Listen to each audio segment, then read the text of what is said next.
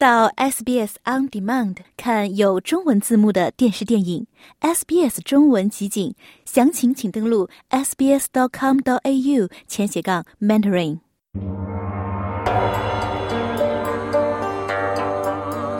龙，一种来自东方的神秘意象。舞龙一向传自中国广东地区的传统，伴随十九世纪淘金潮早期来澳华人的足迹，在本地歌生根。这源于一八九二年开启的一项使命。本地歌的龙不光是历史长，它更重要，它每年送个节都出来，作为一种游行的一部分，筹款。This has been going on for over 140 years. That was the main purpose. That that was the most effective time to bring out the dragon to help get the community together to raise funds. 百余年间，三代游行龙交替，他们是每年复活节慈善游行中的明星，更是本地歌人津津乐道的“我的龙”。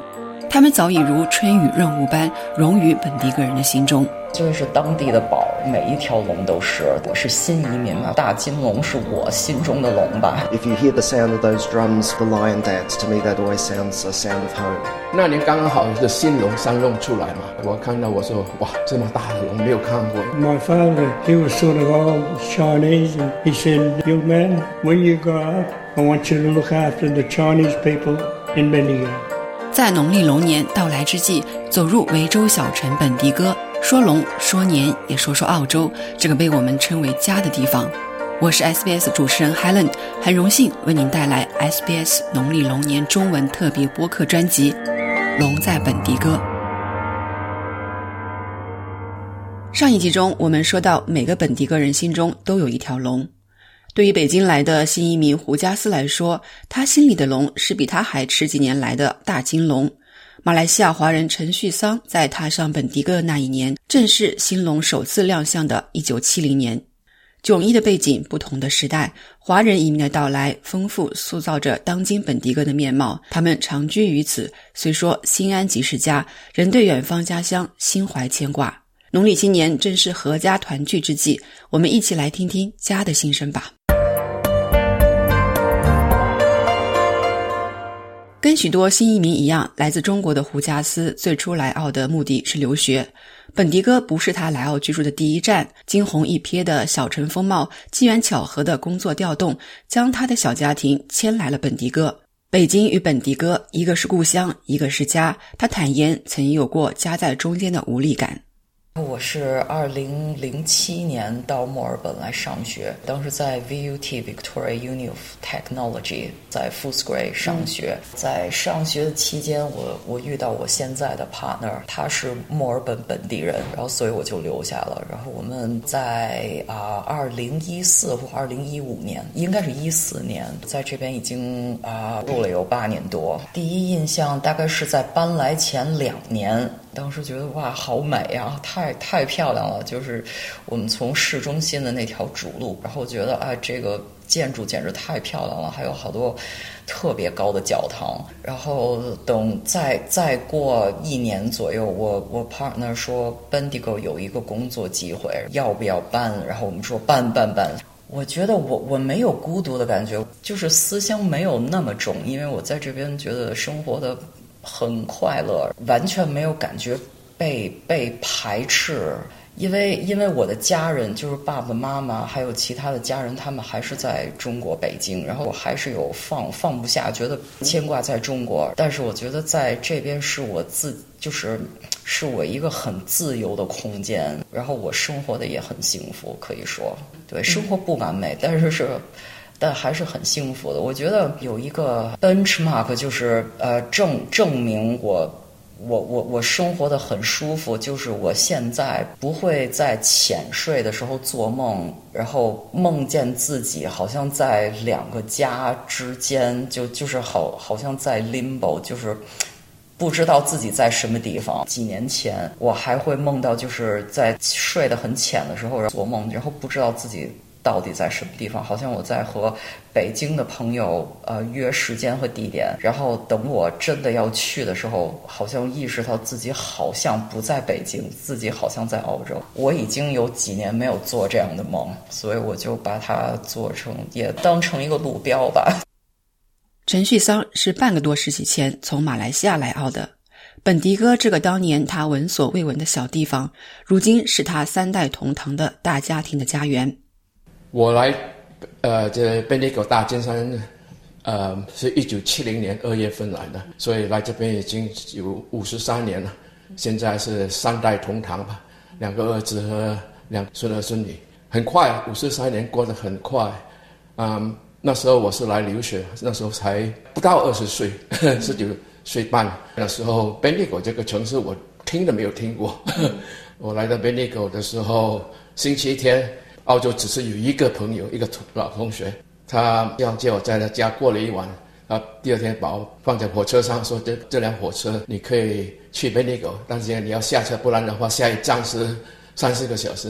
啊，把我来到贝尼狗星期天，你要记得七七零年的时候，从火车站出来，往北看，往。南看，往东往西，没有一个人影，不要说是人影了，鬼影都没有。想不到了，这么很多年后，啊，我还在本地。有时候我回马来西亚，他们问我：“哎，你为什么住在这个什么小地方这么久？”我说：“我也不知道，真的讲，我也没有什么。但是我觉得我欠这个大金山寺呃的人，因为很多洋人待我很好，给个机会给我这里成家。”就业成家。后来我我知道这里华侨的历史的时候，我非常呃尊敬以前的老前辈的那些贡献吧。嗯，他们也说了啊，我们做慈善已经有一百五十多年的历史了。这个在世界上来说，华人地区这是我从没见过的，真的从没见过，很尊敬。所以我说，我就是用我一点点的力量吧，就是说我就帮他们。啊，也没有说是现在我知道这个历史也很满足，所以就是说这里就是我的家了。五十多年扎根本地哥的生活，已经把陈旭桑变成了这个多元社区的地地道道的本地人。他服务大金山中华工会多年，他亲身经历在雷阳明推动下的金龙博物馆的创建历程。巧合的是，他来澳的年份也是本地哥龙与新龙交替的那一年，也就是一九七零年。但当时的他对此一无所知，因为我是读工程的，所以我大多数的同学都是洋人，他们就说你要去看这个 Chinese Dragon 中国龙。我说什么中国龙？我做中国人都没有看到什么中国龙。陈旭桑是这样回忆起与本迪戈龙的初始的：因为我是二月份来的，到四月份的时候就是复活节 Easter 的时候，我刚才接。没有想到这么多人，然后看到这条龙啊，那年刚刚好是新龙三龙出来嘛，所以是龙啊，那个世界上最老的一条龙来迎接这条新龙出来。我看到我说哇，这么大的龙没有看过，因为要知道我们那时候在中国也好，在呃亚洲也好地方，我们舞龙都是是十十十多二十个人最多的，但是这条龙听说那时候是一百米长，可能是七十多米。一九七零年亮相的这条新龙一直服役至二零一九年。据大金山中华工会的会长 Dog Lugo 介绍，这条新龙几乎是本迪哥三代人的共同回忆。身为新移民，胡加斯说，对于龙和新龙这些古董龙心存一份敬意。而要说起他心目中的龙，那一定是他亲手搬动过的大金龙。对于来自中国北方的胡加斯来说，本迪哥的这种主要来自中国南方的龙文化，令他在初见时感到十分新奇。在北京，觉得这个龙啊和狮啊，这个都是。是艺术品，有盛大活动的时候，也许在人民大会堂会有有狮子，有龙，然后去故宫可以看到那些古龙，还有在在在庙会，也许会有呃非常专业的演出队伍在舞狮舞龙，然后。呃，一般生活当中是完全完全看不到的。然后，所以在这边觉得，哎，就是在离我很近的地方有有一些古董龙，还有新龙，这真的是当地的宝，就是每每一条龙都是。但我觉得，因为因为我是新移民嘛，我觉得可能大大金龙是我心中的龙吧，对它了解最多。啊，我我我没有舞过它，但有有一次我们 volunteer 是从。呃，金龙博物馆，然后把大金龙送到 Girton 一个学校来就是来陈列，为为一个活动陈列。我我亲手来搬过它，所以我对它有更深的感情。亲亲手接触过，对对，亲手接触过。也就是在大金龙正式登场的那一年，主业是会计的胡家思开始为大金山中华工会做财务方面的志愿者工作，这令他得以更进一步的体验到了本地哥华人社区的独特的面貌特征。因为当时我是看，我是不知道当地的移民已经看起来不像我们，就是新移民了，有些小的小的。啊，surprise！现在现在想想还觉得很很很有意思。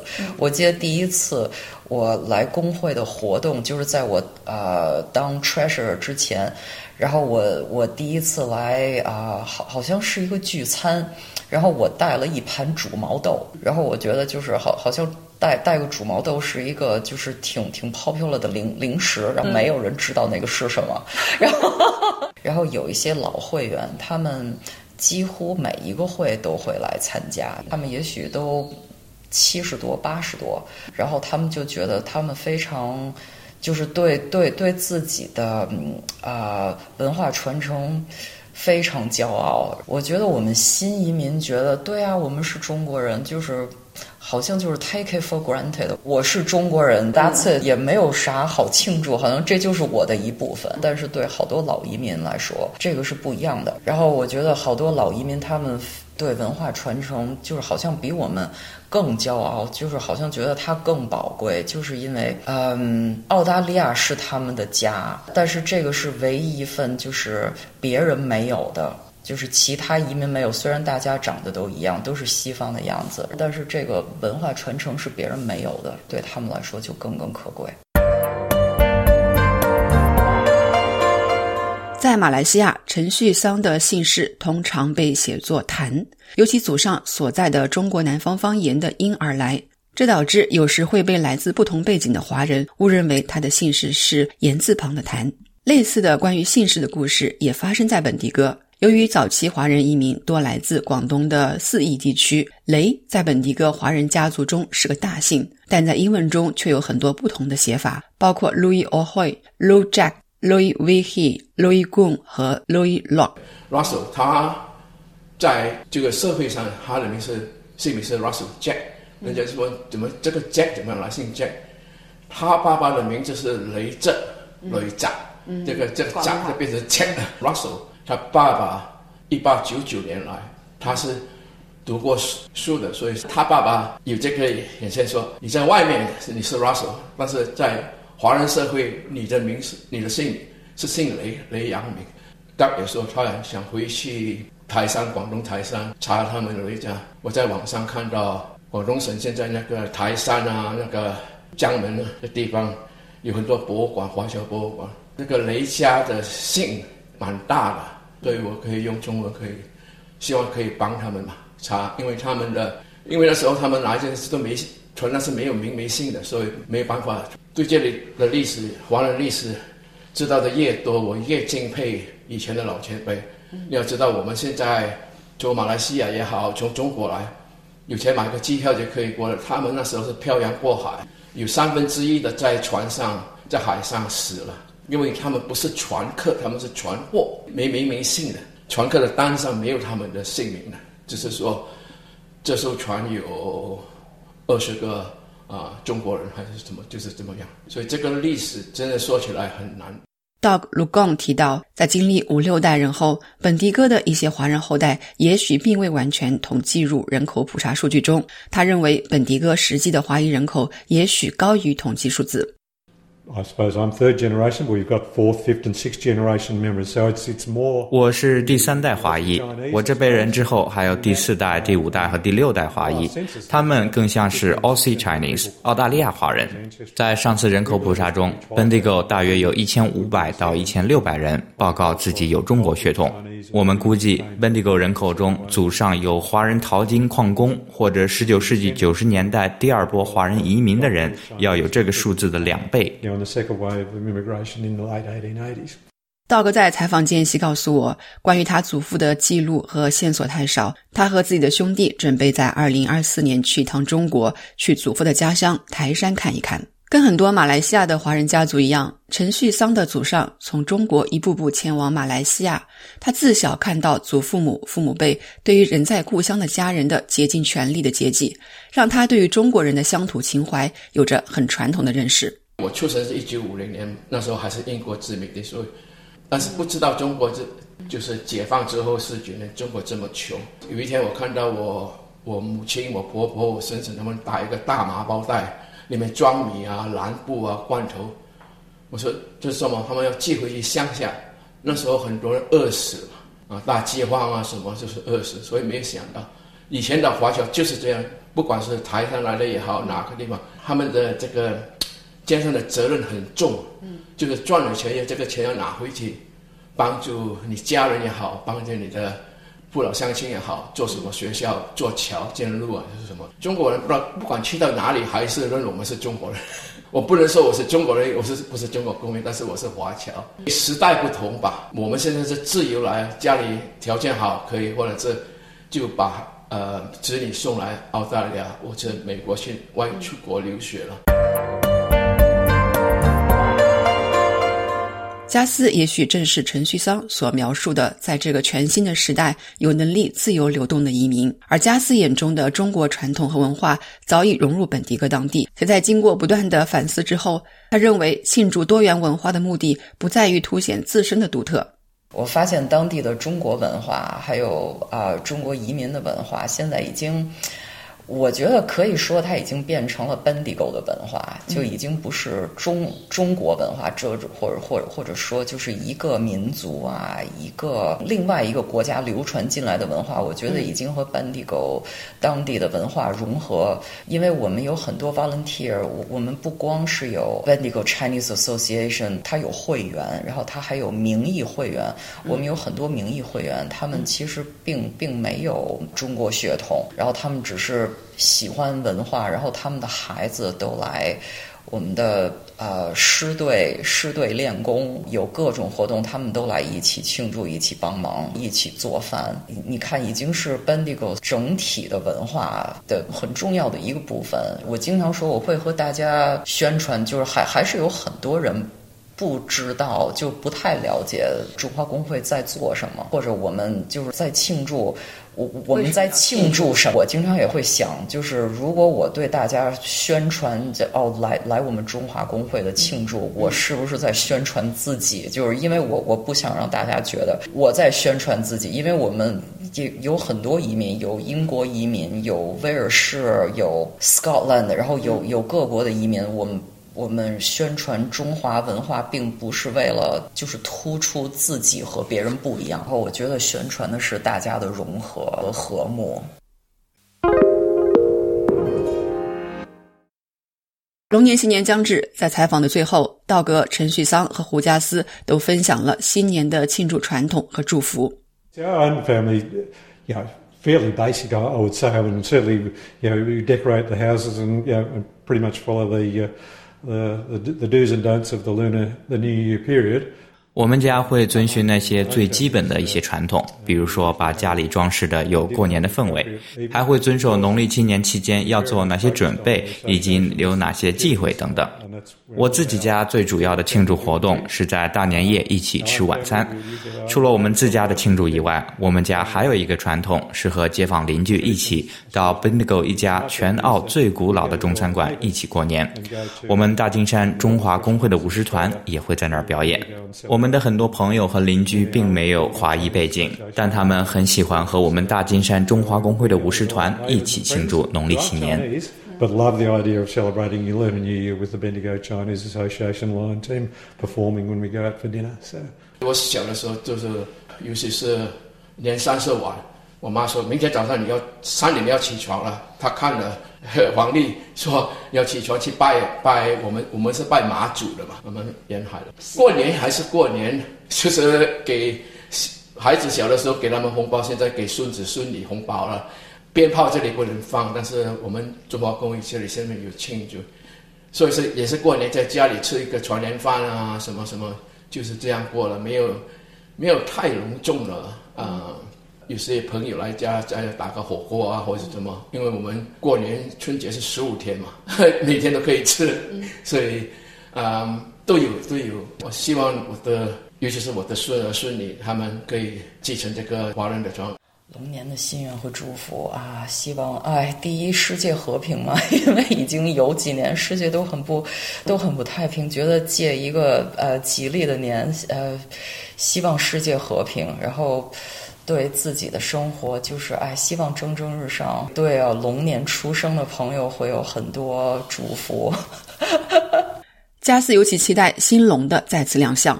因为见他很少，然后所以每每见一次都会想，这也许就是最后一次他出来游行。因为龙龙年，然后再一次就是短短暂复出一次，然后所以每一次都觉得机会很可贵，看一看他，然后觉得可以搬他舞他的人都很幸运，非常期待。新龙唤醒，重放光彩。而这场盛会并非仅属于本地歌人，SBS 将带来游行现场的生动报道，让您无论身处何地都能感受到这个大年初一的独特氛围。也衷心希望这个播客系列能够成为您在祥和节日中的一份安静陪伴，让我们一起保有对龙年的美好憧憬。龙在本地歌播客系列第三集，让我们一起创造2024农历龙年的记忆。请您关注我们下一期的更新。我是主持人 Helen，感谢您的收听。